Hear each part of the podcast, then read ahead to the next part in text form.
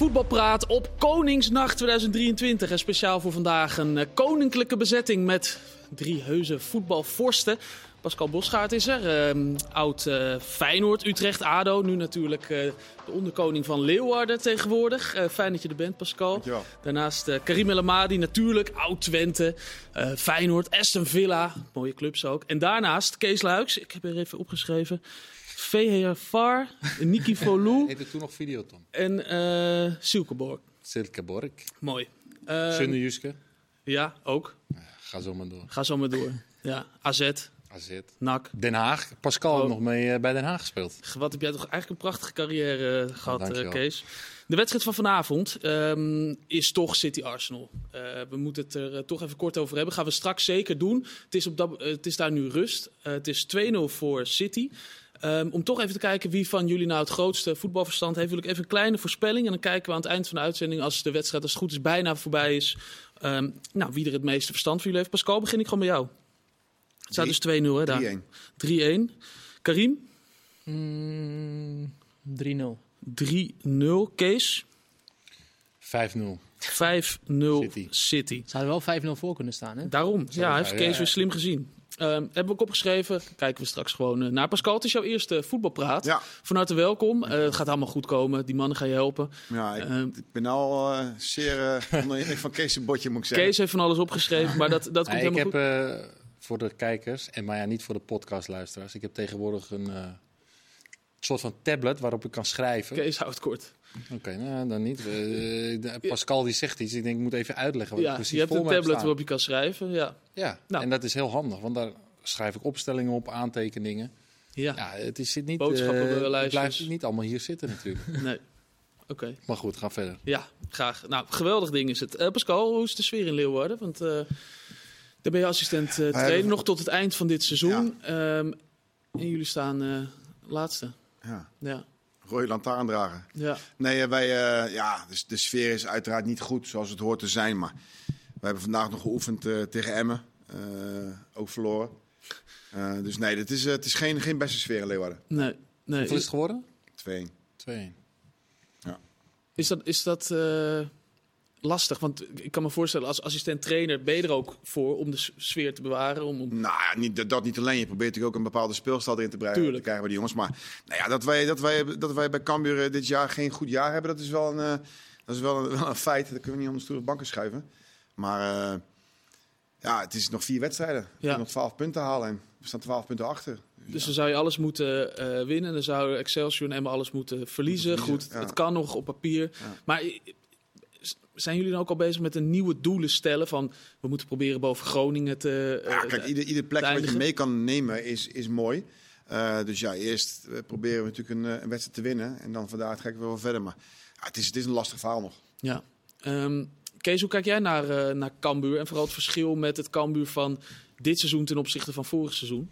Ja, Cambuur is ehm, nou, onder Henk de Jong een aantal jaar geleden al, zoals ik het zie, eh, bezig geweest met een hele herkenbare manier van voetballen. Ik heb zelfs nog tegen ze gespeeld eh, in- de eerste divisie. Het Cambuur van En- eh, Pascal en Henk? Ja, nou, ja, Pascal, jij zat er toen ook al. in de- je bent, ik, jij bent, ik denk, in het Met jaar Henk- gekomen dat ze promoveren. Met Henk gekomen Ja. al, meteen. Ja. 2018? Vier jaar geleden. Ja, en eh, ik vond ze ongelooflijk geavanceerd spelen aan de bal. Echt. Wat is eh, geavanceerd spelen? Ja, de, de centrale verdedigers die inschoven, eh buitenspelers die naar binnen kwamen. Echt zoveel positiewisselingen. Altijd een man min creëren, voorin, achterin. Dat was, dat was echt aanpoten als je tegen hun moet. Wij zijn ook ja, twee keer best wel weggespeeld door, door Cambuur toen met Roda. En die weg heeft Cambuur, eh, ja, die hebben ze gewoon bewandeld tot aan dit seizoen eigenlijk. Ja, dan gaat het op een gegeven moment minder, na één seizoenshelft. En in mijn ogen hebben ze toen dat voetballende gedeelte, waarin ze juist zo goed waren, hebben ze overboord gegooid. En zijn ze meer, eh Ulte zei ook, ja, we gaan willen directer voetballen, sneller naar voren. Nou, dat kan, maar daarmee heb je wel een hele, alles wat je hebt opgebouwd aan de voetballende kant, wel een beetje overboord gegooid. En dan kan het soms van kwaad tot erger gaan. Weet je, dan denk je van, nou, het kan bijna niet slechter dan de eerste seizoen zelf, maar het is, het is nog slechter gegaan. En dat vind ik wel, eh, dat vind ik wel opvallend. Vorig seizoen eindigde Cambuur als eh, negende met 39 punten. Op dit moment 16 eh, punten en, en, en laatste dus. Hoe, Karim, kan jij dat Zo'n Ja, groot ik- verschil, heb je dat ik, ooit Wat ik mee? een beetje merk, ik, eh, er is wel wat veranderd, denk ik, sinds de nieuwe trainer is gekomen. Maar ik moet wel zeggen, de goals die ze weggeven is wel echt heel kinderlijk. Maar ik denk wel dat, de- dat de spelers veel meer gaan nadenken als ze een ander systeem moeten gaan spelen. Want als jij eh, gewend bent om alleen maar te voetballen en dan moet je in één keer direct te gaan spelen, dat spelers dan ook gaan nadenken, eh, veel meer gaan nadenken. En ik denk dat dat wel eigenlijk misschien tegen de natuur is van heel veel spelers bij Cambuur, dat ze eigenlijk directer moeten spelen. En eigenlijk zijn ze gewend om te gaan voetballen.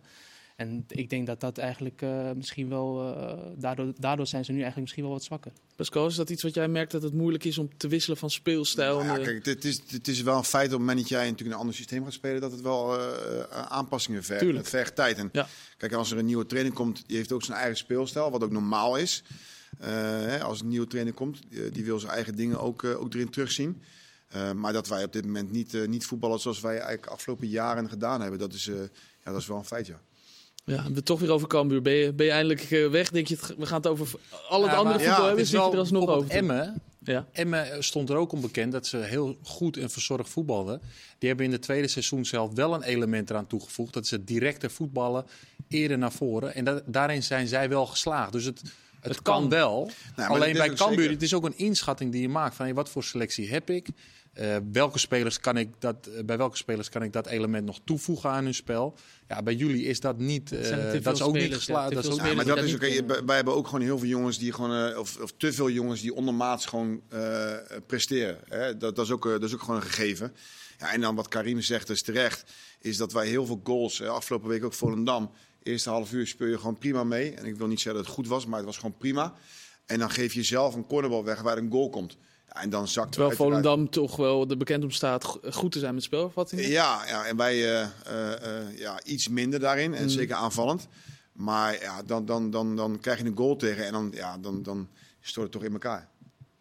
Ja, in het middenveld vind ik ook, dat zijn echt jongens die willen echt gaan voetballen. Met dat soort jongens moet je eigenlijk niet eens direct gaan spelen. Met een Hoedemakers of een Van Kaam, dat vind ik echt jongens die, die echt graag willen voetballen. En als je dan elke keer eh, die heel snel de lange bal speelt, ja, dan heb je aan dat soort jongens niet zoveel. Pascal, wat ga jij eh, na dit seizoen eh, doen? Eh, nog niks. Oké, want je was hier eh, twee, drie weken geleden Ja. bij eh, de voetbalkantine. Ja, Elke zondagmiddag, ja. Vijf uur, mooi reclame. zeg ik even. Ja. Maar ehm, eh, toen was je er, toen, wi- toen wist je het nog ook niet. maar nee. dus in die twee weken tijd hadden we toch verwacht eh, dat we minimaal wel een aantal clubs eh ja, nee, we hebben het er net even over gehad en dat had binnen een uur moeten gebeuren. Maar nee, het is, eh, Je kan niks er, is, er is nog. niks. Dus nee, ik, eh, ik heb nog niks. Dus nee. Oké. Dan ga je wel wat dichter, eh, een clubje wat dichter in de buurt er zijn, zoeken. weinig, Of maakt dat er niet zijn uit? weinig clubs die, die verder zijn. Want jij dan, woont in Rotterdam? ja. Er zijn weinig clubs die, die verder weg liggen dan Leeuwarden.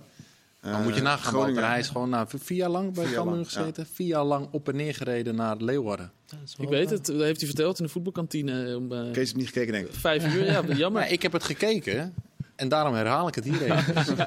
dus. Heel goed. Heel goed. Je leert van alles in dat programma. Eh, Pascal, hoe goed ken jij eh, ehm, Jan Sierksma? De, Eh, we hebben het een aantal keer eh, de afgelopen weken al over hem Ja. gehad. Ik moet het even uitleggen, want hij heeft met ehm, AZ onder 19 is dat de Youth League gewonnen deze week. Een aantal keer is het kort besproken, maar ik, ik, ik wil het er toch nog even over hebben, omdat jij hem kent van zijn tijd bij Cambuur. Nou, ik ken hem niet heel erg, heel erg goed, heel erg persoonlijk, zeg maar. Eh, fantastische prestatie, denk ik, met, met AZ geschiedenis geschreven. Dus dat is heel mooi. En hij heeft zich goed ontwikkeld. Hij is bij, eh, bij Cambuur jeugdtrainer geweest. Heeft zich eh, goed eh, ja, ontwikkeld als, als trainer en bij, bij AZ terechtgekomen. En nu volgend jaar jong AZ, volgens mij, hè? Ja. Dus nee, dat is, dat Dus- is denk ik een, een pluim ook sowieso denk ik, voor, voor Cambuur. Hè? Want Dus je- ik kan niet hem- zeggen dat, dat zijn succes mede door jou... Nee, dat is niet mede door mij. Nee, zeker niet. nee. Nee, nee. Door Cambuur, wel mede door Cambuur, denk ik. Oh, dat is goed. Ja, Ja. zeg- zetten we dat erbij. Kees, Ja. spreekt hem nog wel eens.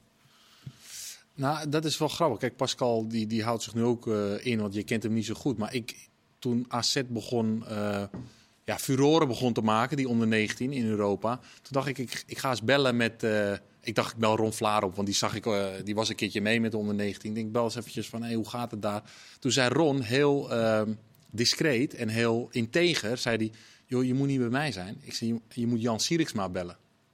Want dat is de trainer en hij is echt de, ja, de, de, de wil niet zeggen grondlegger, maar ja, de, de, het brein of de, de, de verantwoordelijke voor dit team. Eh, dat vond ik al opvallend. Dus ik heb met hem een keertje gebeld en eh, hij heeft mij uitgelegd wat ze doen, wie de goede spelers zijn en hoe ze al jarenlang bezig zijn in de jeugd bij AZ. Ehm, en wat ik het meest opvallende toen vond, is dat ze, en gisteren, of eergisteren, hè, want we zitten vandaag woensdag, eergisteren speelden ze tegen Hajduk Split. En toen vertolkte Poku, misschien wel de meest belangrijke rol bij de onder 19. En dat is een jongen die eh, eigenlijk heel veel eh, achterstand heeft opgelopen in zijn ontwikkeling. Die volgens mij qua leeftijd ook niet meer in die onder 19 mag spelen. Maar er mogen een paar dispensatiespelers in. Maar AZ heeft gezegd, deze jongen gaan we niet afschrijven. Heeft ook wat problemen gehad in de, in de privésfeer. Die hebben gezegd, we zetten hem een tijdje terug naar de onder 19. En kijken hoe hij zich dan weer gaat ontwikkelen. Nou ja, nu eh, scoort hij volgens mij twee keer in die, in die Youth League finale. Maar dit hebben ze gedaan met meerdere spelers eh, die later, Stenks, ehm Koopmijners geloof ik, maar die hebben ze allemaal in een periode dat ze zich niet zo goed ontwikkelden. Dat is het misschien Eén even om privéredenen, de andere Ja. om fysieke redenen, hebben ze even teruggezet.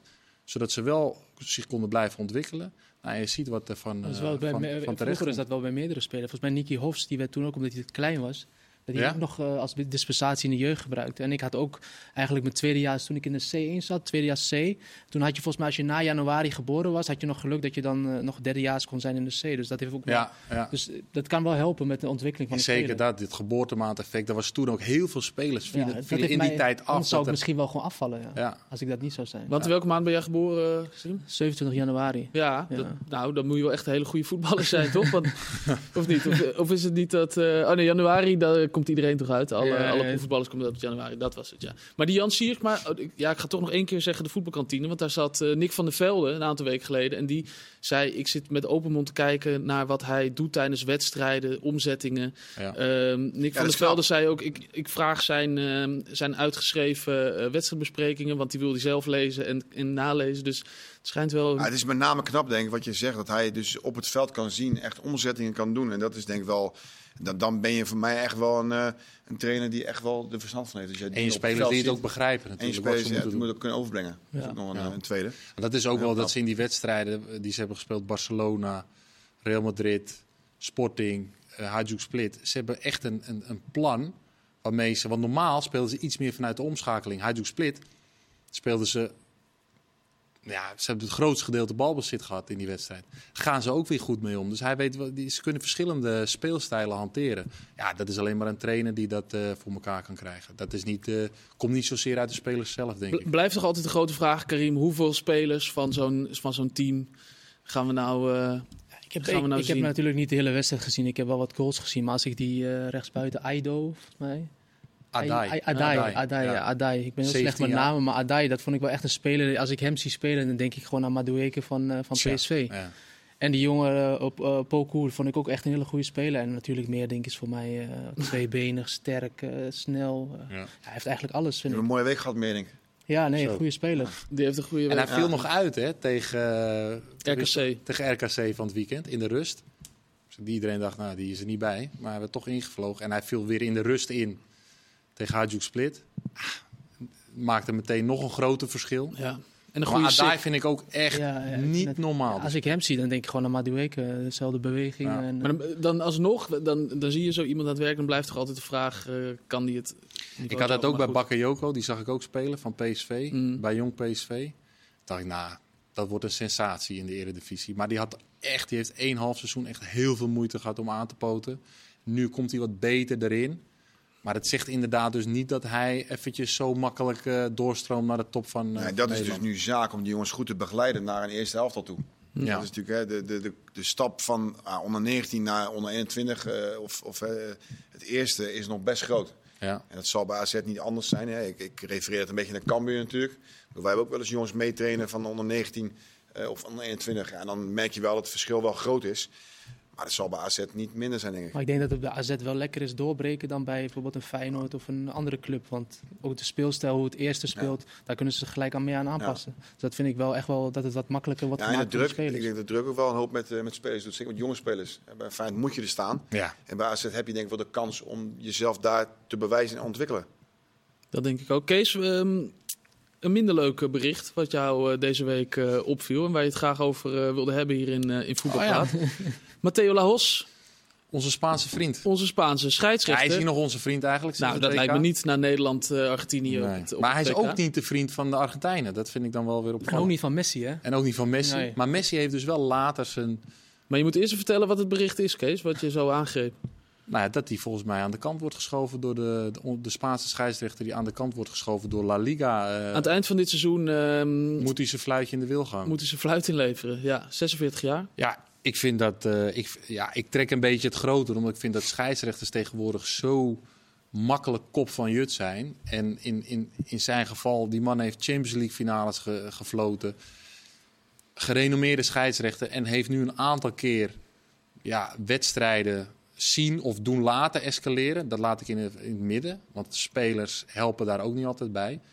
Maar nu eh, wordt hij zomaar aan de kant geschoven. Ik vind dat een beetje jammer eigenlijk. Dat dat zo makkelijk gaat. Als een voetballer een slechte wedstrijd speelt of een paar, ja, dan wordt hij misschien wel weer wat gedegradeerd.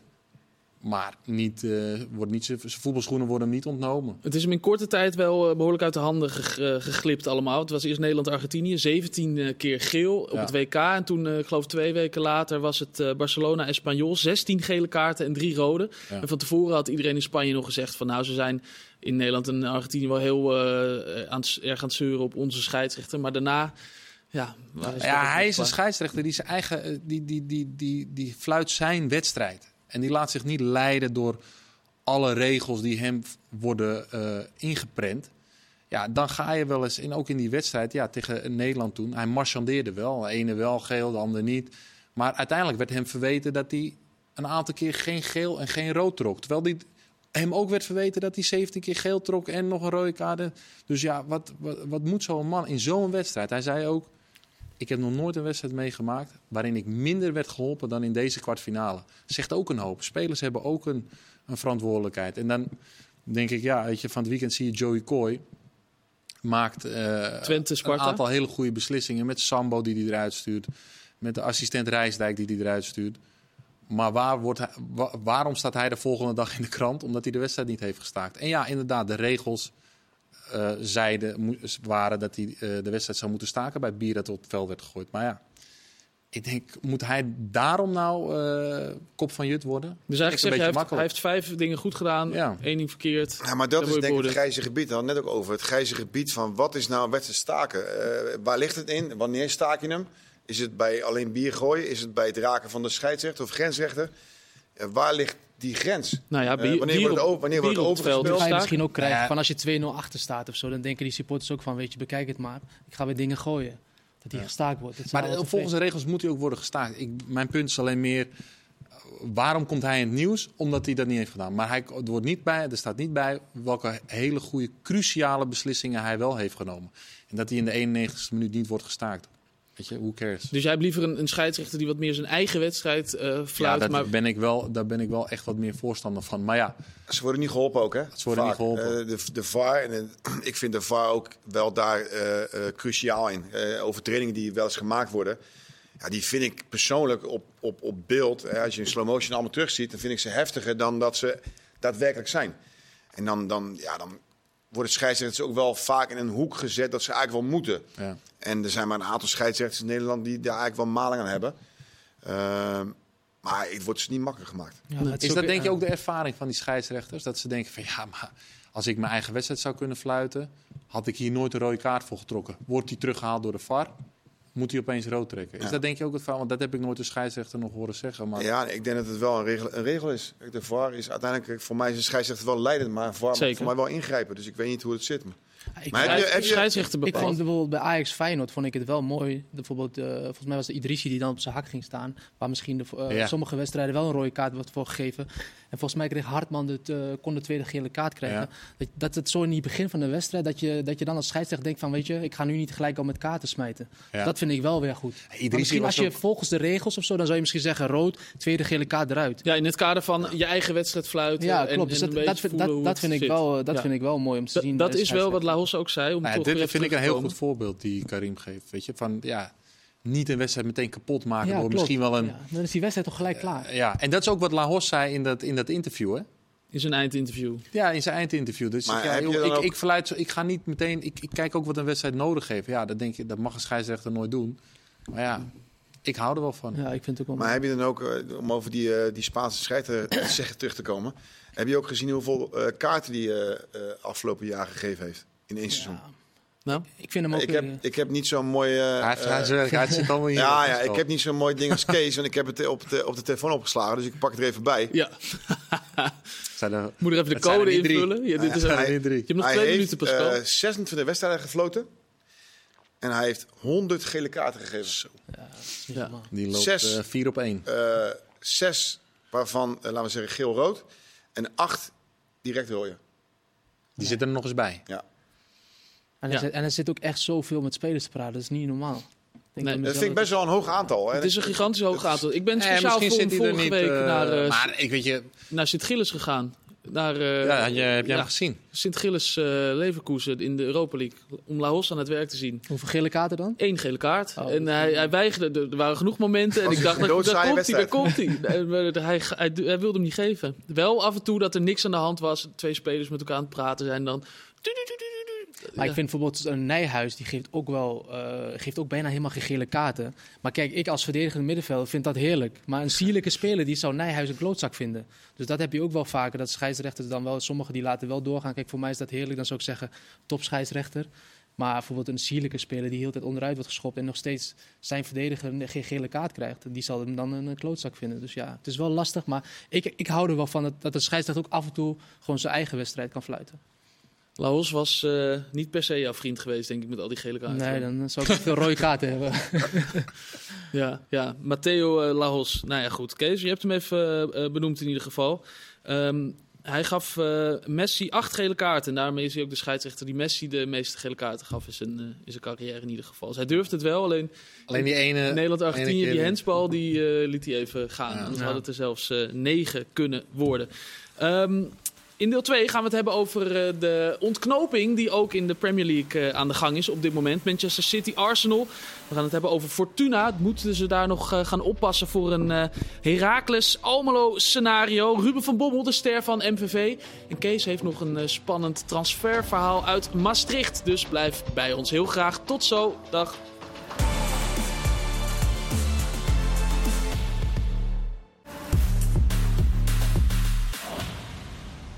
Welkom terug, deel 2 van eh Voetbalpraat. Ehm, aankomende vrijdag dan eh, kan Heracles gaan eh, promoveren, kan PEC achterna. Ehm, Karim, mooi eigenlijk dat PEC en Heracles toch twee grootheden van de, van de KKD dit seizoen meteen die overstap weer terugmaken. Ja, ik vind wel dat het clubs zijn die er wel in de Eredivisie horen. Die het ook wel voorgaande jaren ook wel goed hebben gedaan in de Eredivisie. Dus ik had wel verwacht dat die twee wel zouden promoveren. Misschien Willem II ook nog wel. Maar ja, Kan nog, Zwolle, Zwolle en, eh en Heracles, ja, passen, passen perfect denk ik voor de, voor de Eredivisie. Is het ook een, een voorbeeld, eh, Pascal, voor eh, clubs als eh, Groningen en Cambuur, eh, zal ik maar zeggen, eh, hoe zij het hebben gedaan? Eh, nou, ik denk het wel. Ik denk dat als je ziet hoe, eh hoe PEC, hè, met, met, met wat oudere jongens ook erbij. Ja. En Heracles ook, hè, gewoon eigenlijk het elftal in stand gehouden. Echt wel geïnvesteerd en ook ja, wel... dan, eh, dan is dat heel... eh, nou, het is sowieso heel knap. Maar het, is wel, het was wel verwacht, eh, denk ik. En ook wel een toptrainer. Toch? Zeker, zeker, absoluut. Heel herkenbaar. Eh, en ja, goed, kijk, als, eh, als Cambuur en Groningen... bij tegen- PEC of bij Heracles bedoel je? Nee, nee, bij PEC. Bij PEC Ja. vind ik eh, de trainer echt... eh, Dick Ja. Goed, ja. Ja, heel herkenbaar. Maar goed, als, als, als Groningen en, en Cambuur degraderen, ja, dan, dan... Kijk, Groningen heeft nog wel wat, wat geld op de bank eh, staan, eh, wat ze kunnen gebruiken om een elftal op de been te krijgen. En bij Cambuur lopen natuurlijk heel veel contracten af. Volgens mij is 80% wat, bij- wat nu speelt, eh, loopt af. Ja, en het budget gaat naar beneden. Dan eh, ja, wordt het denk ik een lastig verhaal om in één keer te keren. Cambuur zal het wel lastiger krijgen dan, eh, dan bijvoorbeeld Groningen, denk ik. Alleen, het zijn twee verschillende clubs in dat opzicht. Groningen moet zorgen dat ze de, de, ja, zeg maar de sfeer in de club weer een beetje positief krijgen. Want het is echt eh, volgens mij een verschrikking geweest hoe dat is gegaan afgelopen jaar. Ja, bij Cambuur geldt, eh, die hebben veel minder middelen. Ja, die moeten weer eh, gewoon een selectie op de been. Ik denk de, de selectie bij Groningen, die staat. eh, en die hebben nog, eh, weet ik veel, veel versterkingen gehad in de winterstop. Die niet allemaal blijven hoor. Ook Die niet allemaal blijven, maar daar zitten echt wel een aantal bij die echt wel zullen blijven. Dus dit, Cambuur heeft een hele andere uitdaging te gaan, denk ik. Vrijdag gaan we ook eh, Ruben van Bommel weer, eh, weer aan het eh, werk zien, Kees. Ehm, waar we ook steeds meer van aan het, aan het genieten zijn. Afgelopen week scoorde die, scoorde die weer tegen Jong PSV. Nu 13 doelpunten, 3 assists in, in dit seizoen. Ook nog vijf keer paal of lat geraakt. En hij is nog maar 18. Ja. Ehm, even zou je hem nou aanraden om nog een jaar bij MVV te blijven, een kleine stap te maken, een grote stap te maken? Help hem eens. Nou, hij heeft geen contract bij NVV, dus hij mag gewoon eh, volgens mij transfervrij weg. Dat is ook een nieuwe regel voor mij, tot een bepaalde tijd. Tot een bepaalde Ja, tijd? Volgens mij wel, ja. Oké. Maar wat bedoel je met een bepaalde tijd? Nou, er zijn voor mij regels inderdaad. Voor mij eh, is het voor de deadline, zeg maar. En Ja. dan heb je uiteindelijk weer een aantal weken. En dan mag er niemand meer weg, zeg maar. Oké. Hij ja, wil in ieder geval wel nog wat maar hij opleveren. is al, voor de vraag is, wat, wat, wat wil je naar... Welke, eh, welke stappen wil je maken? Wil Ja, je, dat- dat- Hans, Hans, onze vriend Hans, Hans Kraai, die zei van ah, PSV, ik zou het wel weten. Maar ja, dan ga je naar jong PSV. Ik denk dat hij wel een speler is die straks kan kiezen om bij een eredivisionist in de basis te gaan spelen. Of in ieder geval kans te maken op een basisplek. Ga je naar Twente, die ook interesse heeft. Dan denk ik dat je een beetje S- S- Sam Stein eh, scenario zal zijn, zoiets. Is dat Af slecht? Invallen. Voor nee, ne- zeker voor, niet voor slecht. 19 jaar is het wel prima. hoor. Hij is 18 zelfs. Ja, of 18 jaar. En dan tegen die Volgend tijd misschien 19, 19. ja. Dus dat... eh, Jij zou het hem wel aanraden, Karim. Ja, ik zou het hem wel aanraden. Ik heb, ik, ik heb hem natuurlijk niet eh, wekelijks gevolgd. Ik heb wel wat beelden van hem gezien. Maar wat, wat, wat, wat mij echt heel erg opmerkt, of wat ik heel erg zie bij hem, is eigenlijk dat hij wel een, een neusje voor de goal heeft. Voor een buitenspeler eigenlijk. Je hebt ook buitenspelers die blijven altijd aan de bui- buitenkant, die willen acties maken. En wat ik bij hem ook mooi vind, eigenlijk als hij, als hij afwerkt, kijkt hij ook altijd naar de keeper. En bij middenvelders heb ik dat ook. Als ze een beetje om hen heen kijken, dan kun je wel een beetje zien dat het wel een goede, dat het wel een goede speler kan gaan worden. En dat zie ik bij hem ook wel terug. Het schijnt dat Vitesse, Twente en AZ hebben geïnformeerd naar, eh, naar Van Bommel. ja. Ehm, van, die, niet, van eh, die drie, Twente? Ik denk dat je daar, eh, dat, als je kijkt, voor mijn missie Jan, die gaat ook weg, geloof ik, zeg ik even uit mijn hoofd. Ja, Eh, dan ga je daar wel, eh, Twente, in ieder geval Twente zoekt buitenspelers. Mhm. Nou, had, het niet AZ, anders, had het niet leuker geweest, of beter geweest, mooier geweest misschien dat hij de 13 om 3, dat dat als buitenspeler omgedraaid zou zijn? Sorry? Dus, dus drie eh, goals en 13 assists. Ja, dat, is- als dat, buitenspeler. dat zie jij Om liever in de uiteindelijk- nou ja, ik weet niet of ik het liever zie, maar bedoel, als een club echt buitenspelers zoekt, zeg maar, is het heel mooi als je een buitenspeler hebt die heel veel goals maakt. Maar dan kom je ook heel vaak naar binnen. Of het moeten individuele acties zijn, ik heb ze niet allemaal gezien.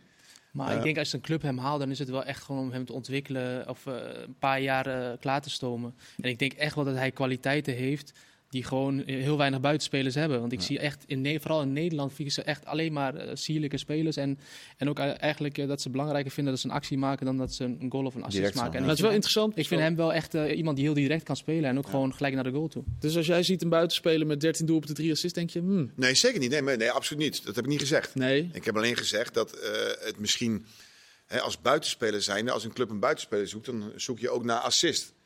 Eh, en, en dan is voor een buitenspeler drie assists misschien weer weinig. Ja. Dus daarom zeg ik Ja, misschien. assist is wel weinig. Hij is natuurlijk wel een buitenspeler. Hij is wel een, een Dus daarom, ik, zeg ik, ik heb hem ook niet, niet goed in, in, in, in beeld hoor. Eh, dus ja, waarschijnlijk is het een buitenspeler die heel van de binnenkomt.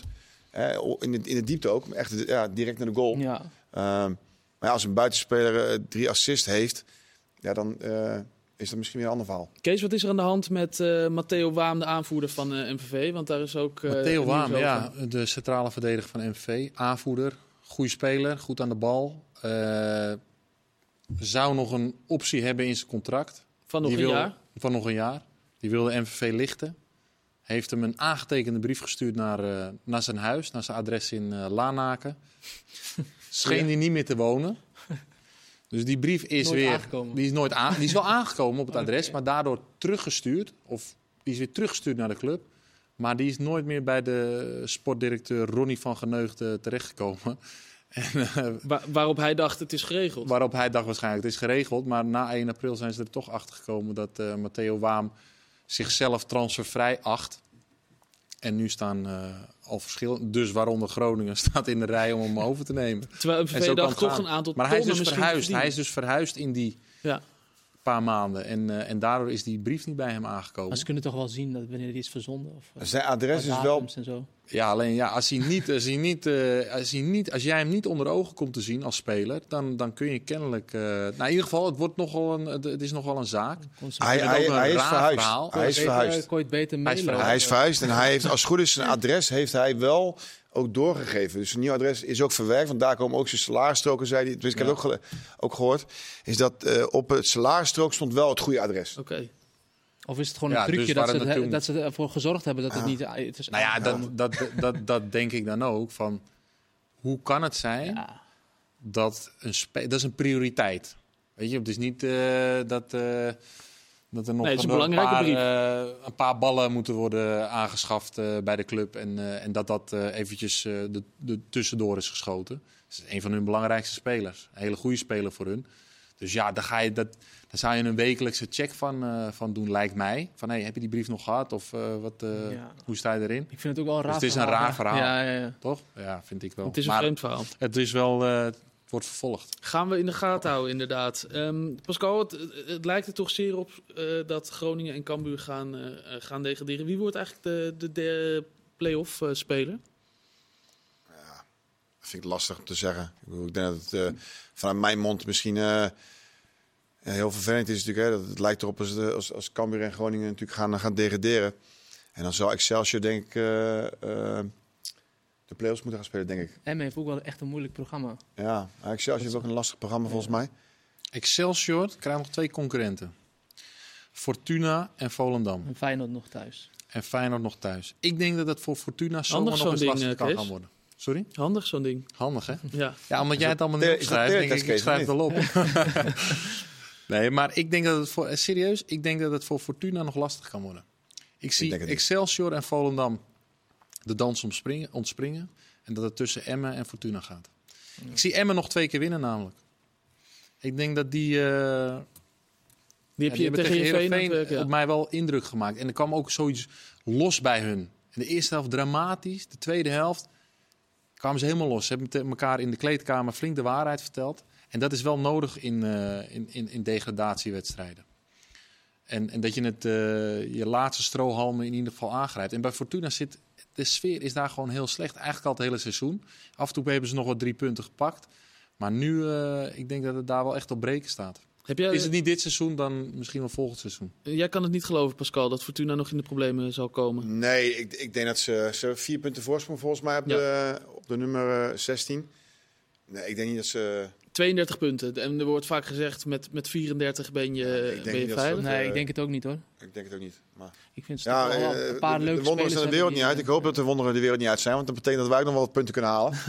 Eh, maar nee, ja, ik, ik, ik denk niet dat Fortuna nog in de, in de gevaarzone gaat Ik denk komen. wel Het dat wordt- het tot op de laatste speeldag heel spannend gaat. Ja. Dat denk ik ook. En als ze hebben volgens mij NEC de laatste wedstrijd, moet je ook nog hopen dat, ze, dat NEC niet meedoet om de play-offs. Dus dat kan ook nog Maar die blijven ook meedoen.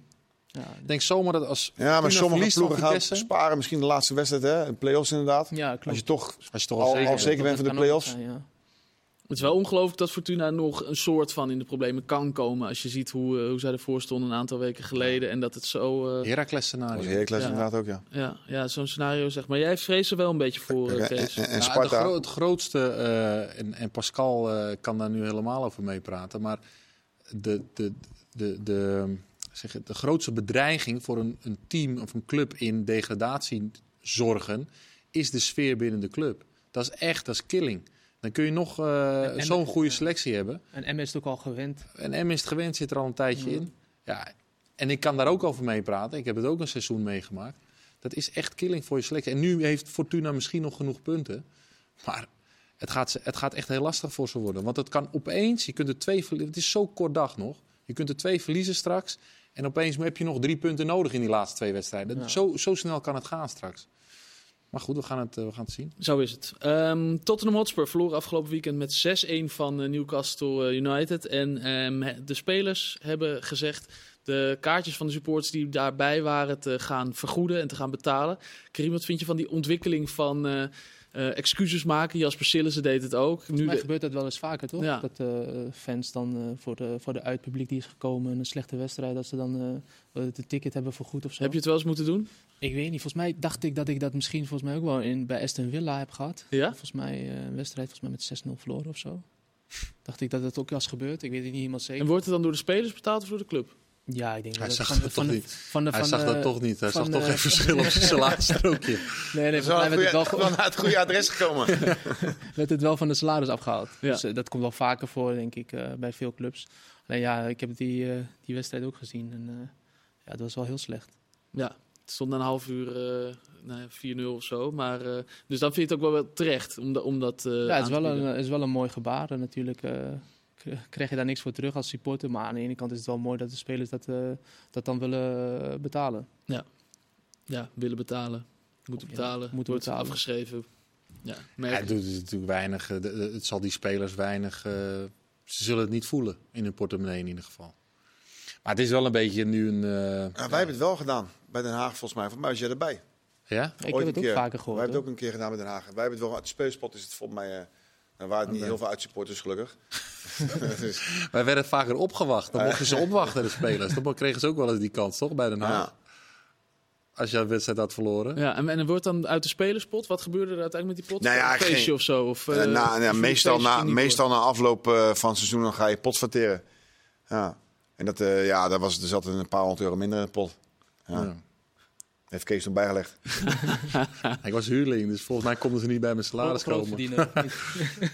Nee. Oh, dus de hele selectie heeft dat betaald, eh, die kaartjes voor de fans, behalve Kees Leijs. Ja, er zit natuurlijk in een pot, in een spelerspot zitten, weet je, op boetes. Of, Ja. eh, je, vroeger gingen we nog panini-plaatjes... eh, Vaak ook op vakantie. Ja, ja. Ja, gingen we op Aan het vakantie. einde Eind van het seizoen gingen pot verteren vakantie. Maar panini-plaatjes kregen we vroeger altijd ook betaald. En dan ging het ook allemaal in een pot. En dan aan het eind van het seizoen dan, eh, ja, dan gingen we pot. Het ja, hoe meer erin zit in de pot, hoe verder weg je ging. Ja, Ja. hoe meer boetes Ik ben niet waren. verder gekomen naar België, dus... eh, Maar het is wel een beetje een, trendje, een trend van nu. Hè. Ik vind ook wel een beetje zieltjes winnen. Eh, het excuses maken voor... eh, Ik begrijp het wel, Mhm. maar het is wel een beetje goedkoop.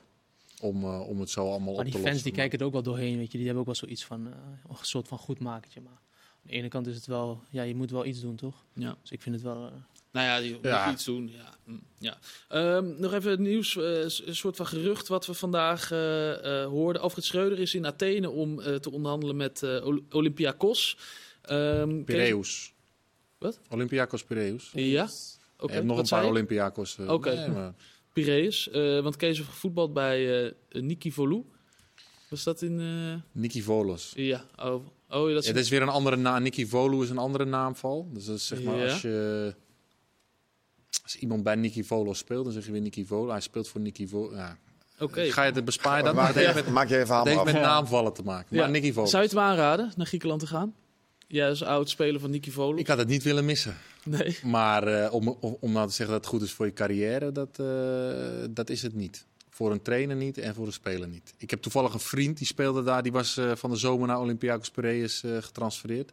Een Deense jongen, Philip Sinkernagel. En die zat er nog geen twee maanden onder contract. Stond hij onder, onder contract. Ze haalden de Champions League niet. En eh, vervolgens werd hij verhuurd aan eh, Standard Luik. Ja, zo snel gaat het daar. Het is echt eh, zo, dat- ja, opportunisme in het, eh, opportunisme in het de kwadraat. meesten hebben wel problemen gehad daar, ja. Ja, dat maar is... ik denk, als hij, eh, ik denk dat hij misschien in Europa misschien wel het meeste daar kan verdienen netto, denk ik. Oh ja? Bij, bij zulke clubs, ja, dat denk ik wel. Ja. Dat dat ook misschien wel een rol gaat spelen. Dus jij zou het hem wel aanraden, Karim? Ja, als hij, ik weet niet waarvoor hij kiest, maar het is, een, het is een mooie club. Je hoort wel vaak verhalen dat de spelers problemen hebben, dat de, dat de trainer problemen heeft. Maar als je in Europa... Wat voor problemen zijn het? Ja, wat voor problemen gewoon. eh, je hebt laatst ook gezien dat de, dat, dat de president even op het veld eh verhaal kwam halen bij de scheidsrechter. Ja, ja, ja. Dat Dus soort dat soort dingen, dat hoor je wel vaker in spelers die dan eh, soms ook eh, met salarisachterstanden. Dus dat hoor je ook wel vaker bij dat soort eh, landen en dat soort clubs. Olympiakos is geen... eh Piraeus. Piraeus, heel goed. Lekker Wouter. Nee. Eh, het is ook geen. eh, het is jarenlang echt een beschermde club geweest, ook in de competitie. Dus die, die, die zijn, eh, weet, ik, weet ik veel hoeveel jaar op, op. Ze zijn zoveel jaren op rij kampioen geworden. Maar dat kwam ook wel omdat zij altijd werden geholpen door scheidsrechters. En Oh, dat ja. is echt waar. Dat- die status hebben ze niet meer. Dus het is echt veel moeilijker om kampioen te worden nu voor hun. En, Ja. en daardoor zie je nu ook die rellen bij, eh bij Olympiakos. AEK en. Panathinaikos zijn nu ook echt vooruit gegaan qua spelers. Ja. Qua kwaliteit vind ik wel tenminste. En je ziet nu ook volgens mij AEK en eh Panathinaikos staan helemaal bovenaan met z'n Ja. tweeën. Dus daar zal het wel dit jaar op geworden. gaan. En, eh, voorheen was het echt alleen maar Olympiakos. Ja. Hij kan aan de bak in ieder geval, eh Alfred Schreuder. Als Ik zou het hem niet aanraden. Nee. Nee. Karim wel voor het geld. alleen voor het salaris. Nee, ja, nee. Pascal? Oké, Nee, ik denk het ook niet. nou Nee. dan hebben we een... Ik eh, denk dat hij nee. nog steeds een te goede trainer is voor eh, dat soort landen. Ja. Ja. ja, daar moet je ook wel eh, net zin in hebben. Dan gaan we het hebben over eh, de wedstrijd van vanavond, waar toch veel voetballiefhebbers het over eh, zullen hebben. Manchester City Arsenal. Nog steeds Eh, 3-0 hè? Ja, Nog vijf minuten. en eh is het 3-0 hè? Karim Pascal had- 3-1? Karim Je had zei eh, 5-0. 3-0 voorspeld inderdaad. Dus jij Kan zit, je zit te hopen dat het, dat het zo blijft. Ehm, Karim, je hebt daar natuurlijk ge- gevoetbald in, eh, in Engeland. Had je nou een heel erg een voorkeur voor een van beide ploegen, voorafgaand aan vanavond? Ehm, Ja, ik vind eh, sowieso, ik ben echt een Guardiola-fan en ik vind echt eh, waar hij ook komt, zie je gewoon mooi voetbal. En Arteta, als ik, ik had het net met Pascal erover, de, documentaire, die heb ik ook gezien. Ja, dat was gewoon echt een aanrader om die te kijken. Arteta voor mij ook een geweldenaar en beide ploegen vind ik ze echt eh, goed voetbal. Alleen ik vind wel dat, eh, dat City dit jaar eigenlijk verdedigend gewoon veel beter, eh, veel beter is dan de voorgaande jaren. En ik vind dat ze ook af en toe fases in wedstrijden gewoon ook wel gewoon willen counteren. Want ik vind Haaland is ook gewoon echt levensgevaarlijk als ze iets ingezakt zijn en dan eruit komen. En dat, dat vind ik wel een verandering met de wedstrijden die ik vorig jaar heb gezien in de Champions League tegen de Real en tegen de andere, andere Ze zijn, wedstrijden. ze zijn beter geworden. Ze zijn verdedigend. meer- Hoppa, 3-1. Pascal. Oh, ja. Ze zijn beter gaan, eh, beter gaan verdedigen, vind ik. En ook met spelers als Akanji en, en Aken zijn ze, toch wel, zijn ze toch wel verdedigend wel iets sterker. Ja. Zo Eh, viel de 1-0 ook, hè? Toch? uit een soort counter Ja, ja. tegen Uit een eh Ja. Haaland aanspeelpunt. Nog een aardige aanname trouwens hoor. Zo. Voch. Ja, dat was heel goed. Maar vond je ook niet dat die centrale verdediger... Ik had echt het idee dat Haaland zich een kind in een snoepwinkel Ja, eh, toch voelde vandaag. Ja, maar ik denk dat je je niet moet vergissen in de fysieke gesteldheid van Haaland. Nee, ja, Als hij uiteindelijk als spits zijn, als hij voor je verdediger staat, dan... Hij heeft de verdedigde toch veel te, veel te clean. Nee, dat zeker. Maar ja, dan, dan Holding.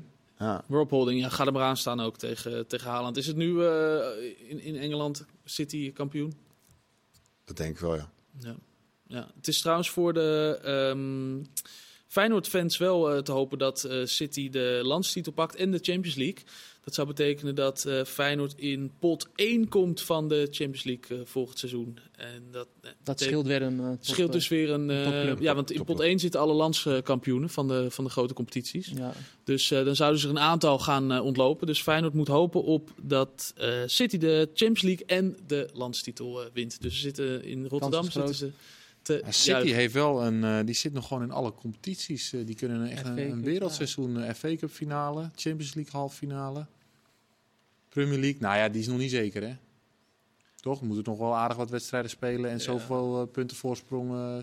Arsenal heeft, het had vijf punten voorsprong, Ja. maar ook twee wedstrijden meer En gespeeld. als je de afgelopen wedstrijden ziet... Dus ja. dat worden er twee. ja, met Nu. nog twee wedstrijden voor City. nog twee wedstrijden. die ja, gaan wel wordt het mogelijk afhaken. vier. Als je de afgelopen wedstrijden ook ziet die ze hebben verloren... eh, hoe ze de goals hebben weggegeven... eh, ja ze Arsenal zijn wel in komt, elkaar gewoon, eh, een komt beetje. echt gewoon veel meer druk bij kijken, denk ik. En ze zijn het niet gewend. En bij City is het van, eh, we zijn al een paar jaren achter elkaar kampioen geworden. Dus die weten, die weten er wel mee om te gaan. Was ook te zien hè, in deze wedstrijd. Wat een verschil. Ja, niet normaal. Echt eh, voor zo'n topwedstrijd en zo'n groot verschil. Ja. Is dat, puur, is dat puur het verschil, Karim, van ervaring hebben met grote wedstrijden, met ja, druk? ik vind van wel. Ik denk dat je dat ook bij Real ziet. Bij Real is het echt gewoon dat zij de wedstrijd, veel wedstrijden hebben gewonnen. Echt puur op eh, de kwaliteit van de spelers natuurlijk, maar ook op de ervaring. Dat zij eigenlijk gewoon ruiken wanneer je om de prijzen speelt of niet. En ik moet eerlijk zeggen, toen ik mijn eerste prijs bij Feyenoord pakte, eh, had ik ook dat gevoel van, hey, nu weet ik ook wel wat dat is. En de eerste prijs was toch wel van, ja, hoe moet ik hiermee omgaan? Er kwam toch wel wat meer druk bij kijken. En bij de tweede keer eh, in de finale eigenlijk, eh, want ah, wij speelden een bekerwedstrijd tegen AZ, dat was mijn tweede beker dan. En toen had ik wel echt het gevoel, AZ was gewoon dat jaar gewoon veel beter. Maar ik had echt het gevoel van, ah, deze wedstrijd ga ik niet verliezen. Gewoon dat je gewoon een gevoel hebt van dat je het al hebt meegemaakt. Dat je, dat je precies weet wat je moet doen. En dat had ik wel het gevoel dat dat ook wel bij dat soort, bij dat soort spelers is. Lekker hoor. Belangrijk in de carrière dat je een paar van dat soort eh, spelers in je selectie hebben die dus weten hoe het is om een eh, prijs te pakken. Ja, ik denk dat dat wel belangrijk is. Ik had dat Ik- ook, dus maar dat- ik was nooit zo kalm meer daarna. Ja, nou, wat Karim zegt, ja, wij hadden, ja, ik- wij hadden bij Utrecht ook op dat moment. Wij, wij, wij verloren natuurlijk de eerste finale, Amsterdam finale, met die buitenspelgoal. En toen uiteindelijk hadden we de, de, het jaar erop de finale weer eh, tegen Feyenoord. En daarna nog een keer tegen Twente. Dus dan heb je wel... eh, je, je, je merkt wel dat je een bepaald gevoel hebt. Het was nagenoeg dezelfde selectie. Ja, en bij het bepaalde kamp- kalmte heb je Ja. ervan. En bij het kampioensjaar eigenlijk hadden wij allemaal geen ervaring met prijzen pakken. En, en Dirk Kuyt, Jurgensen, dat toen wij de la, ene laatste wedstrijd van Excelsior hadden verloren, waren dat wel gasten die die, die week, gewoon naar Ja. de kampioenschap toe, waren dat de Maar Dirk zat toen op de bank, hè? Ja, dat kun je nagaan. Maar hij was wel rustig en hij wist gewoon wat er gevraagd werd eigenlijk om kampioen te worden. Na dit seizoen eh, zijn er bij Feyenoord ook een aantal spelers die weten hoe het is om prijzen Nog te even over de pakken. stand. Wat is de stand Ja, even Manchester kijken wie is nou degene die eh, het meeste verstand heeft van eh, de drie kenners hier aan tafel. Dat is, eh, even kijken, Pascal Bosgaard. Verbaast me eigenlijk eh, niet. Mannen bedankt en een hele fijne eh, krijg een Koningsdag. tablet. Heel Oh, goed. fantastisch.